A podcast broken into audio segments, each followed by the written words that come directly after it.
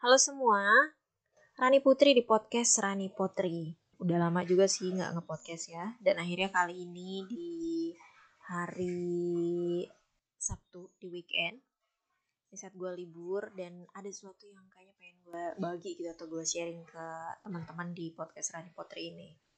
Dan kali ini it's about a woman, jadi tentang perempuan. Sebenarnya sih ini curhatan gue juga, tapi uh, gue mau sharing karena uh, bener gak sih ini terjadi di perempuan-perempuan yang lainnya? Tentang apa sih yang jelas kali ini tema tentang love life and friendship? Maybe. Yang jelas love life sih jadi tetap pantengin podcast Rani Potri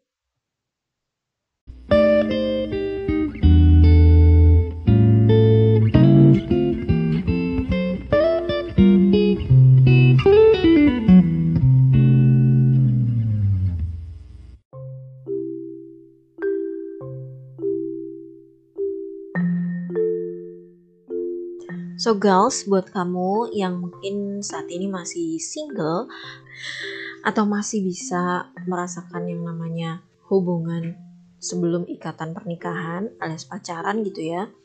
Tapi udah di usia yang matang gitu. Pernah gak sih lo kepikiran atau merasakan gitu adanya perbedaan pacaran ketika usia muda sama pacaran ketika sekarang usia lo udah lebih matang atau mature. Nah, kebetulan ini yang kejadian nih ke gue jadi beberapa waktu lalu uh, gue tuh sempet sempet apa sempet dibilang dating juga enggak sih? Karena ya ini masih in in proses lah seperti itu. Jadi ketika itu tuh uh, I'm feeling I'm feeling like kok beda ya rasanya ketika gitu? Ketika gue masih muda kayaknya tuh santai-santai aja gitu yang namanya uh, get in some uh, dating gitu nggak terlalu mikirin uh, ini kita berkualitas atau tidak ini bermanfaat atau tidak seperti itu ya udah yang penting just have fun. Kayak gitu tapi kemudian ketika gue udah di usia 30 in the midst of 30 nggak in the midst juga sih sebenarnya belum belum in the midst of 30 just 30 plus gitu. Itu tuh gue kayak ngerasa yang apa sih? Ngapain sih gue kayak gini? gitu cuman ya cuman sekedar misalnya meet up terus uh, having some dinner misalnya or having some lunch gitu without without any uh, quality atau a good conversation gitu yang yang yang bermutu lah gitu. Meskipun gue juga sebenarnya bingung sih conversation yang bermutu itu sebenarnya seperti apa. Masih belum masih belum ngah juga gitu yang yang yang gue pengen seperti apa. Cuman I just feels like kayak ngapain gitu. Kayak uh, ngapain sih gitu? Gue sekedar meet up uh, someone gitu just for um, having some having lunch or having a dinner kayak gitu. Habis itu udah pulang apa gitu. Tapi waktu muda ketika gue pikir ketika gue ingat lagi gitu ya waktu misalnya zaman kuliah gitu atau before before having uh, kids like uh, like now gue merasa itu tuh sesuatu yang asik-asik aja gitu untuk dijalani gitu um, ini terlepas dari orangnya ya maksudnya terlepas dari siapa partner dating kita gitu atau siapa orang yang kita ajak jalan ketika itu gitu. jadi kemarin tuh gue sempat merasakan hal itu gitu dan gue sempat terpikir apa karena perbedaan usia atau gimana gitu dan akhirnya gue sempat nanya lah gitu ke salah satu rekan juga yang ya bisa dibilang dia tuh a kind of uh, psikolog gitulah. Jadi emang ternyata emang ada perbedaan uh, cewek-cewek maksudnya yang akan dirasakan seseorang. Sebenarnya ini berlaku juga sih bisa jadi berlaku buat pria juga gitu. Tapi ini di sini we talk about specifically a woman gitu ya. Karena di sini kan sebenarnya ini uh, concern atau relate ke apa yang gue rasakan seperti itu. Jadi emang meskipun ya semua orang tuh emang pengen dicintai dan mencintai tapi seiring dengan bertambahnya usia kadang kita pengen hal-hal yang uh, kontras gitu. Ya gak sih? Kok gak tau sih itu ter terkesan aneh atau enggak but that's what I feel gitu. Jadi yang namanya dating atau misalnya jalan sama orang di usia 20-an sama 30-an ternyata tuh bisa sangat berbeda gitu. Meskipun sebenarnya kita masih bisa menikmati uh, kedua periode itu sih. Itu mungkin saat ini gue di masa tidak terlalu menikmati gitu. That's why I really really uh, rare. Gue sangat-sangat jarang getting getting involved in some dating gitu. Apalagi in mysterious dating. Gue nggak akan jalan sama orang yang yang gue nggak kenal kayak gitu.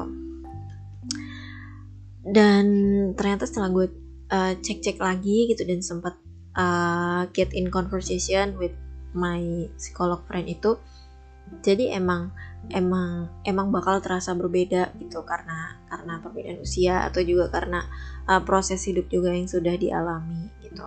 Kalau waktu muda mungkin pertama uh, waktu usia 20-an um, jadi tuh bisa dibilang have fun versus uh, apa? Uh, keinginan serius gitu ya. Jadi kalau waktu masih muda kan kita lebih menginginkan satu uh, fun dating gitu terutama untuk awal-awal usia 20-an bisa jadi yang namanya dating itu semacam kayak hiburan gitu hiburan gitu di di sela rutinitas itu mungkin yang masih sekolah atau masih kuliah kayak gitu. Dan satu-satunya kualifikasi untuk uh, dating ideal di usia tersebut yaitu seseorang yang bisa diajak misalnya kayak nikmatin konser bareng gitu kan atau ngelakuin hal-hal baru bareng-bareng bahkan sekedar dari ikut komunitas bareng, ikut organisasi bareng, ya gak sih? Semacam itulah gitu. Di usia-usia 20-an, awal-awal 20-an kayak gitu. Tapi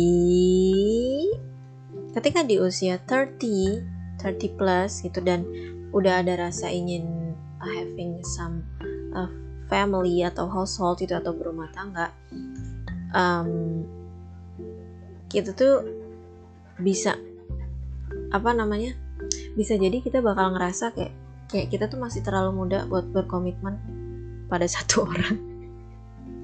It's happening to me sih it's happening to me right now.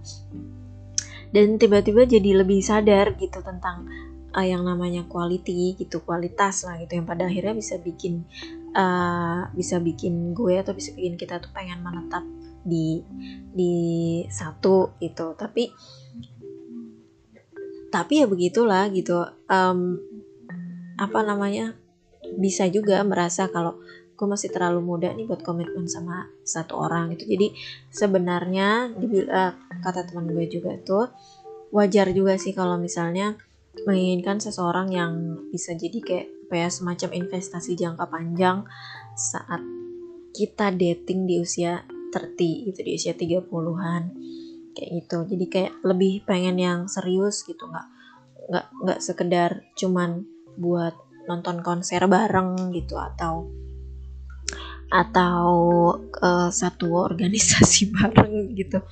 Nggak sekedar seperti itu dan yang kedua ini yang dirasakan hmm, perbedaan di dua periode itu penampilan versus karakter Nah, kalau yang penampilan versus karakter ini gue sempat baca juga di salah satu artikel di uh, popbella.com. Jadi konon di usia 20-an biasanya seseorang kita pengen um, seseorang yang kayak visual gitu, yang lebih visual. Misalnya kalau cowok dia pengen cewek yang seksi gitu, terus yang cewek pengen yang handsome atau tampan gitu atau bisa juga nggak sedikit juga sih. Yang terjadi adalah um, kita mengingat seorang yang banyak diincar sama orang-orang di sekitar kita. Gitu. Misalnya nih kayak di kampus ada yang emang jadi primadona kampus gitu. Cowok cowok yang tua bem lah misalnya yang menonjol gitu di antara mahasiswa-mahasiswa lain. Nah biasanya itu emang jadi banyak incaran uh, cewek-cewek gitu. Karena akan ada sensasi tersendiri mungkin ya kalau misalnya kita berhasil mm, gait tuh orang gitu yang biasanya menarik atau disukai banyak orang. Bahkan bisa dibilang itu bisa meningkatkan rasa percaya diri. It doesn't happen to me sih. so far. Apa pernah ya? Tahu deh gue gue gue nggak terlalu mengingat itu karena gue menjalani masa muda gue tuh dengan sibuk gitu. Jadi nggak terlalu banyak eh, neko-neko yang gimana-gimana sih gitu. Dan gue tipe yang um, not easy to falling in love gitu gitu. Jadi emang kalau misalnya nggak dideketin bener gitu atau nggak dideketin banget ya gue nya nggak aware gitu. Sangat jarang first love in once in first apa uh, love in first sight gitu love in first sight itu gue tuh sangat jarang gitu. Nah tapi nih balik lagi ya. Kalau misalnya di usia ke 30-an atau 30 kita malah pengennya tuh yang berkarakter gitu. Kayak misalnya hmm, kita tuh pengen yang uh, seseorang yang benar-benar berkarakter gitu terus punya punya prinsip hidup yang oke okay lah gitu misalnya atau yang sesuai dengan kita uh, terus yang punya ambisi dan rencana masa depan yang yang bener gitu. Dan nggak menutup juga sih. Kalau gue tidak tidak munafik juga. Jadi orang yang mapan secara mental dan finansial. Nah, itu tuh jadi pertimbangan di usia 30-an dulu mungkin nggak terlalu nggak terlalu gimana gitu soal yang namanya kemapanan secara mental dan finansial. Tapi di usia 30-an kalau misalnya masih single atau masih apa namanya masih ya masih bisa masih belum berkomitmen dengan satu orang masih gue rasa itu akan jadi pertimbangan sih yang namanya kemapanan secara mental dan finansial gitu. Jadi nggak sekedar nggak sekedar visual aja gitu. Kemudian juga hmm, ada satu perbedaan tentang uh, apa namanya kayak perasaan gitu. Jadi kalau misalnya di usia 20-an uh, keinget gak sih waktu di usia 20-an tuh kita menginginkan satu relationship tuh yang apa yang on fire gitu atau berapi-api gitu. Bahkan makanya kalau misalnya remaja-remaja gitu kan pacaran dari usia remaja itu tuh pas usia remaja itu kebanyakan anak-anak muda tuh gayanya lagi pada di puncak gitu kan. Jadi tuh kayak uh, lebih mementingkan kenyamanan pasangan untuk bisa menghabiskan waktu bersama-sama gitu. Jadi makanya nggak sedikit gitu anak-anak muda tuh yang ke mana-mana sama dia mulu. Sementara gue ya gue gue yang udah usia 30 ini mandangnya apa nggak bosen apa ya? Berduaan baik ke mana-mana gitu kan. Udah kayak perangko sama amplop gitu. Atau udah kayak kembar siam gitu lama-lama cuman rumah aja kadang-kadang yang masih misah gitu kan kak. Karena masih mungkin entah itu karena finansial masih dari orang tua atau karena emang ya ya belum bisa aja bareng-bareng. Kayak gitu mungkin kalau di luar negeri udah udah satu kosan juga kali lama-lama. It doesn't happen to me sih. Uh, jadi apa ya cuman emang sempet sempet ini juga sempet berasa. Jadi kalau gue tuh cuman sampai di titik kayak chattingan mulu gitu kan. Tuh dikit-dikit di dikit-dikit di chat dikit-dikit di telepon gitu. Satu hari nggak ditelepon tuh rasanya apa gitu aneh gitu. Cuman sampai di titik gitu aja nggak sampai yang ke mana-mana bareng. Dan dan gue orang yang tidak ini sih. Maksudnya gue tidak pernah having an affair or having a feeling with a person yang satu satu bukan satu circle apa ya? Misalnya kayak satu kelas satu kantor itu gue tidak pernah gitu. Dan dan gue emang cukup menghindari hal itu terjadi pada diri gue sih gitu. Jadi ya apa uh, sedikitlah potensinya untuk menghabiskan waktu bersama-sama yang dalam artian barengan mulu gitu. Tapi di usia 30-an itu bakal berbeda tuh jadi kalau misalnya di usia 30-an tuh kayak jadi lebih pengen apa ya sesuatu yang lebih smooth gitu. Mungkin perasaannya kali ya.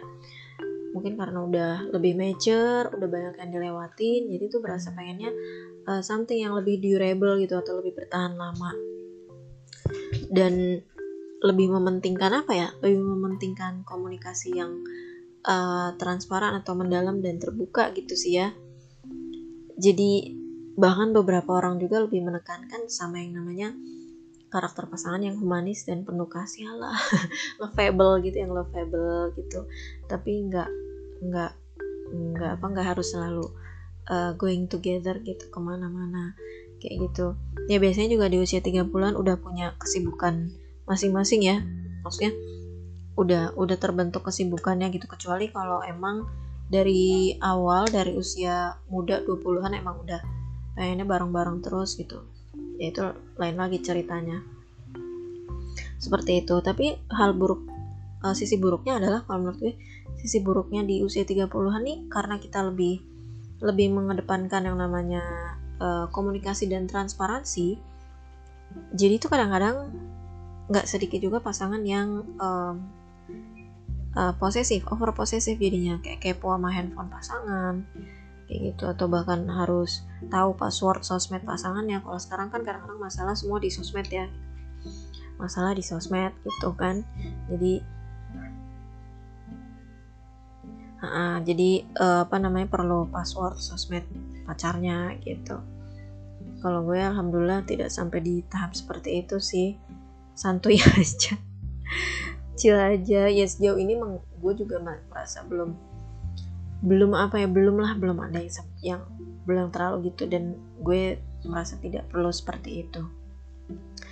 Terus juga uh, orientasi pernikahan ini berbeda antara usia 20-an sama 30-an jadi kalau waktu masih muda tuh di usia 20-an uh, eh, gue tuh masih ya, yang ada di pikiran gue ada di pikiran gue yang namanya pernikahan itu adalah akhir dari uh, kisah cinta gue dan si dia gitu dalam artian ini kisah cinta kita nih akan berakhirnya atau bermuaranya tuh di pelaminan gitu. Jadi kayak nggak makanya ya gue nggak tahu sih orang lain ngerasain itu juga tapi uh, this is what what I'm thinking about. Jadi ini yang yang ada di yang gue yang ada di pikiran gue gitu atau menurut gue. Dan dari yang gue lihat juga sih dari banyak teman-teman yang yang pacaran di usia 20-an ketika dulu gitu. Jadi eh, kadang-kadang yang namanya pernikahan itu malah jadi tujuan hidup dan dianggap sebagai uh, jalan keluar gitu dari dari rasa kesepian yang selama ini diderita lah drama. Uh, tapi gitu gitu gitu. Jadi uh, dan gue nggak tahu sih itu terjadi pada generasi muda zaman sekarang atau gimana gitu. Karena kalau gue lihat anak-anak muda zaman sekarang tuh kayak kayak pengen cepet-cepet nikah pengen cepet-cepet nikah gitu kayak apa sih? gitu. Sedangkan gue udah 30-an dan bahkan sempat fail failed in marriage gitu kan. Uh, kemudian menyadari gitu bahwa pernikahan itu bukan akhir dari sebuah hubungan gitu. Justru pernikahan itu adalah awal dari sebuah masalah baru dalam hidup. Ya nggak itu juga sih. Itu mungkin sisi sisi negatifnya gitu. Itu sisi negatif. Tapi kalau sisi positifnya um, iya di uh, pernikahan bisa jadi sebuah awal untuk kita bisa lebih banyak menghabiskan waktu dengan satu orang yang sama gitu kan setiap harinya gitu. Terus uh, apa namanya bisa jadi motivasi kita juga untuk berpikir agar lebih mempertahankan apa mempertahankan uh, kelebihan kita atau sisi baik kita gitu dalam pernikahan dan mencoba buat ngurangin segala keburukan-keburukan gitu mungkin ya. Karena kan sekarang udah nggak sendiri lagi gitu tapi we have to think about our partner juga. Apalagi kalau misalnya nanti berkeluarga ada yang namanya anak yang harus um, apa yang harus diasuh diayomi yang harus kita kasih contoh baik kan seperti itu. Itu sisi positifnya dari orientasi pernikahan gitu antara usia 20-an dan usia 30-an gue gak tau lo setuju apa enggak sama pendapat gue but that's what I feel gitu kan. Um, terus juga yang namanya nyari pasangan gitu kan itu juga menurut gue bakal bakal berubah sih. Jadi di usia 20-an tuh biasanya kita bakal menyukai seorang yang minatnya tuh sama gitu karena mikirnya jadi bakal gampang buat ngobrol. Itu misalnya kita uh, kita sama-sama nyukain kelompok musik yang sama atau band yang sama acara TV yang sama, buku yang sama, film yang sama, bahkan hobi yang sama gitu. Tapi kalau udah umur 30-an tuh udah nggak mikirin minat lah. Ya udah beda nggak apa-apa, mungkin bisa untuk saling melengkapi. Yang penting tujuannya sama gitu.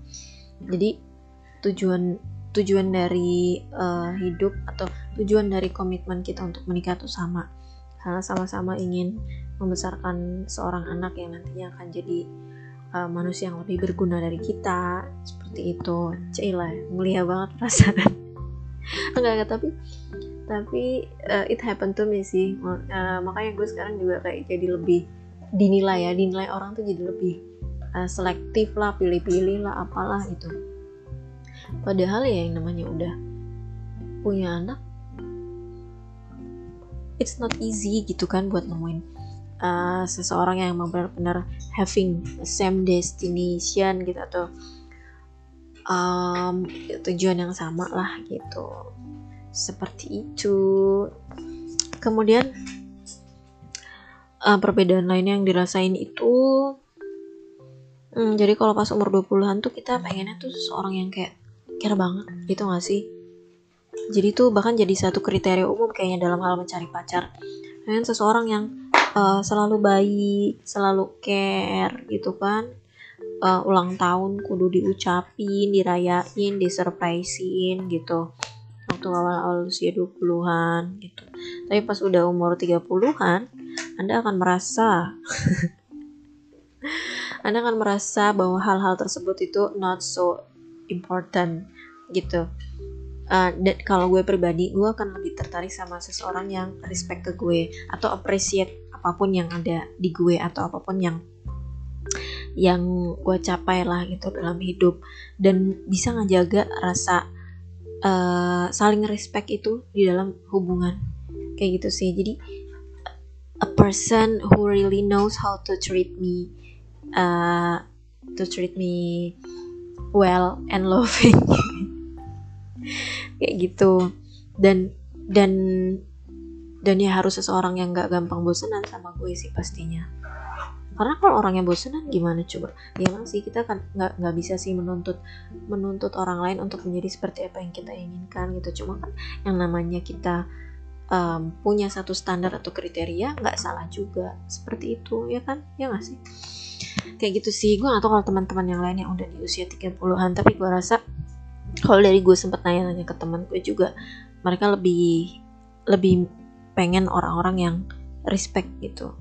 Uh, bisa menghargai satu sama lain. Termasuk juga hal privasi ya mungkin ya. Seperti itu. Kalau soal peduli atau soal perhatian mungkin udah nggak kayak di usia 20-an ya yang apa-apa benar-benar harus diucapkan dengan kata-kata misalnya atau oh ya itu tadi harus disurprisein atau apa udah yang penting uh, lo respect lo appreciate ke gue um, kita bisa saling ngejaga. Ya why not? We we keep going together. Alah gitu. Nah terus juga ada lagi yang kerasa beda nih antara usia 20-an sama usia 30-an jadi pas usia 20-an tuh hmm, kayaknya tuh pengen banget falling in love gitu ya cari orang yang benar-benar uh, menarik gitu atau bikin kita falling in love kayaknya tuh bakal jadi satu experience yang wow gitu yang challenging lah gitu. Seperti itu. Tapi ini kalau di, di usia 30-an dari yang gue rasain sih love is not enough. I mean cinta doang tuh gak cukup gitu dalam membangun sebuah hubungan gitu. Karena uh, ya yang diinginkan adalah hubungan yang sehat yang sih karena kita butuh sesuatu yang untuk jangka panjang and then kalau gue pribadi gue butuh seseorang yang bisa ngatasi uh, keanehan dan kekurangan gue. Bahkan keabsurdan anak gue gitu kan. Plus ya kan? Kalau gue kan emang plus gitu. Jadi cinta doang ya tidak cukup gitu. It's not only about love. It's about how to manage our relationship uh, always being in health relationship terus juga how to uh, manage my ya tadi absurdness kayak gitu. Ya intinya yang bisa mengatasi kekurangan menerima apa adanya enggak juga sih. Sebenarnya enggak harus apa adanya banget atau ala kadarnya gitu cuman yang bisa mengatasi gitu. Yang bisa mengatasi ya makanya um, ya, usia-usia 30-an tuh kayak, kayak jadi lebih ribet gitu standarnya. Karena ya emang itu tadi beda orientasi. Kayak gitu. Terus juga kalau usia 20-an tuh kadang-kadang masih yang namanya um, blind love gitu. Love is blind. Itu kayak masih berlaku gitu. Jadi kita ngebanggain perasaan cinta di atas segalanya gitu. Yang penting uh, pasangan pasangan kita tuh bahagia pas bareng kita kayak gitu sih usia 20-an dan ya I feel it tuh sih gue ngerasain juga sih. Cuman bersyukurnya adalah masih bisa mengendalikan perasaan gitu. Um, jeleknya adalah kalau misalnya yang benar-benar sampai jadi bucin. Nah itu dia gue akan bahas di next next episode untuk hal-hal kebucinan tersebut. Jadi saat saat bukan tidak pandai tapi saat kita salah atau saat kita um, apa lost control dalam mengendalikan perasaan dan menjadi bucin tuh. Emang biasanya usia-usia 20-an bukan biasanya sih dan ya itu terjadi gitu di di di kalangan generasi muda CL seperti itu gitu. Dan kalau udah di usia 30-an tuh emang kayak tadi sih karena kita lebih pengen orang yang respect gitu pengen pengen saling appreciate satu sama lain. Jadinya tuh um, kita bisa lebih menghargai hubungan yang berasal dari persahabatan yang kokoh. Itulah kenapa juga sih jadi gue di usia 30 bulan ini gue benar-benar nggak nggak nggak bisa gitu jalan sama strangers gitu atau sama yang baru sehari dua hari tiga hari gue kenal. Kalau gue ya gue tahu kalau mungkin ada orang yang bisa uh, langsung jalan sama strangers gitu. One atau bisa one night stand gitu kan ketemu di malam itu. Kalau gue pribadi gue lebih milih orang-orang yang emang udah gue kenal gitu. Um, tapi jeleknya itu sih jeleknya adalah kayak apa ya jeleknya kadang-kadang we fall in love with our friends kayak gitu. Tapi masalahnya kita udah terjebak di satu hubungan yang yang ya which is friends selama ini gitu. Kayaknya kalau mau lebih tuh kadang-kadang ada kekhawatiran apakah selama apakah kenyamanan yang selama ini udah terjalin tuh bakal berubah kalau misalnya uh, kita masuk atau kita naik ke step berikutnya gitu in our relationship. Itu sih yang jadi kekhawatiran dan um, gimana ya? So far belum bisa membuktikan banget sih uh, apakah emang benar-benar bisa gitu. Dari hubungan yang uh, hubungan persahabatan yang lama terus naik ke satu hubungan yang lebih serius dan berkomitmen dan itu akan jadi baik-baik aja gitu. Gue pribadi belum bisa membuktikan itu gitu. Tapi dari beberapa teman gue yang udah usia 30-an juga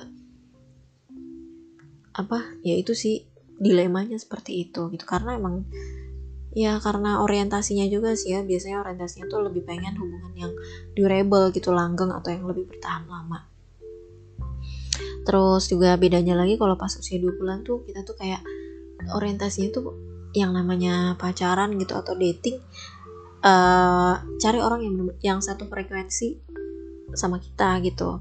Entah itu dari hal percakapan bahkan dari lawakan gitu bahkan sampai sikap yang cerdas itu yang penting udah yang penting menarik. Kayak gitu dan yang penting bisa diajak hangout bareng. Itu kalau usia 20-an tapi sekarang udah di usia 30-an orientasinya itu jadi pengen seseorang yang bisa memotivasi kita buat jadi orang yang lebih baik ya gak sih? Jadi nggak sekedar buat uh, ngebantuin kita bersenang-senang gitu tapi juga uh, bisa ngesupport gitu uh, diri kita bisa buat lebih maju dan berkembang gitu. Dan tentunya bisa lebih dekat sama orang yang disayang juga itu nah ini PR-nya nih. PR-nya seperti itu di usia 30-an tuh terus kalau nah satu hal lagi nih. Ini mungkin terakhir deh. Ini terakhir. Kayaknya udah kepanjangan nih podcast gue. Um, waktu usia 20-an itu tuh gampang banget yang namanya CLBK tuh balikan sama mantan. Ya gak sih? Apa gue doang? Soalnya kayak masih sulit gitu buat pisahin uh, perasaan dari logika gitu dalam hal relationship gitu dalam hal cinta gitu. Jadi uh, kayak kayak apa namanya? Kalau pas kita punya hubungan yang kuat gitu sama seseorang uh, kita tuh jadi kayak lebih bersedia buat maafin kekurangan dia gitu. Tapi di usia 30 itu tidak akan terjadi. Bukan tidak akan terjadi sih mungkin saja terjadi jika memang Tuhan menghendaki.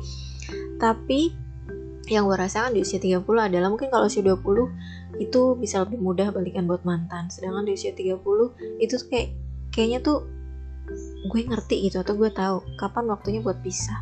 Anjir. Enggak, enggak, enggak. um, sound so apa ya ironik sih atau tragic tapi uh, beneran gitu. Di usia 30-an nih kayak oh sama orang ini kayaknya nggak healthy nih gitu. Oke. okay. Gue tak uh, oke okay. kayaknya ini sampai sini aja deh gitu. Udah cukup. Itu tuh udah gitu. Dan itu bisa letting go letting go gitu aja. Dalam artian ya udah gitu. Nggak harus balikan. Kalaupun misalnya gue masih uh, komunikasi sama orang itu atau orang itu masih menghubungi gue ya udah itu just uh, kembali biasa aja gitu. Uh, karena ya gue ngerasanya uh, ketika kita sudah saling melepaskan atau gue sudah melepaskan ya just let it go. Kayak gitu. Kita kita nggak perlu ngungkit lagi apa yang apa yang kemarin mungkin sudah sempat terjadi gitu ya. Kecuali kalau misalnya memang uh, apa memang pengen balikan dalam artian kayaknya mau udah mentok sama orang ini gitu ya. Tapi kan yang namanya sempat berpisah itu kan berarti memang ada sesuatu yang terjadi itu dalam hal dalam artian artian yang terjadi itu tentu tidak tidak baik gitu atau tidak menyenangkan. Ya masih gitu sih dan dan dan itu bisa jadi satu pertimbangan juga gitu apakah memang mau melanjutkan kembali gitu. Tapi yang jelas sih kalau di usia 3 bulan tuh kayak, kayak kayak jadi lebih paham gitu nih udah waktunya gue untuk berhenti gitu atau ber atau berpisah. Begitu. Dan yang terjadi pada gue adalah gue lebih banyak memutuskan untuk berpisah. Ya begitulah. Tapi whatever lah ya begitu sih. Jadi um, dan gue baru uh, semalam itu atau bisa jadi ini adalah puncak dari pemikiran gue gitu. Kok kok gue semakin ke sini semakin kayak males gitu ngapain sih? Itu cuman cuman sekedar uh, cuman sekedar having a dinner gitu mungkin karena mungkin karena belum adanya satu komitmen yang kuat ya dengan orang tersebut. Mungkin akan beda cerita kalau misalnya if is my my my true couple gitu my my real uh, life partner gitu kan atau husband gitu. Ini akan beda cerita gitu. Mungkin ya I don't know. Tapi yang pasti ya seperti itulah kurang lebih sharing gue tentang yang namanya perbedaan uh, dating di usia 20-an dengan dating di usia 30-an mudah-mudahan ada manfaatnya gue gak tahu sih ini ada manfaatnya atau enggak yang jelas gue sharing aja Thank you for listening me. Dan yang pasti apa pun yang kita cintai di dunia ini, kita perlu tetap mengingat bahwa gak ada yang abadi dunia ini. Suatu saat semua akan kembali pada yang menciptakan loh. Jadi sedih. Enggak sih, jadi dalam artian ya nggak usah terlalu posesif banget gitu karena emang segala sesuatu ini kan di dunia ini cuma ciptaan cuma sementara seperti itu oke okay? thank you for listening see you in the next episode don't forget to uh, keep tune in my podcast Rani Potri and misalnya ada saran kritik bisa DM gue langsung di podcast gue di Spotify atau bisa di Anchor atau juga di Instagram Rani underscore Putri. Thank you, see you next time, bye.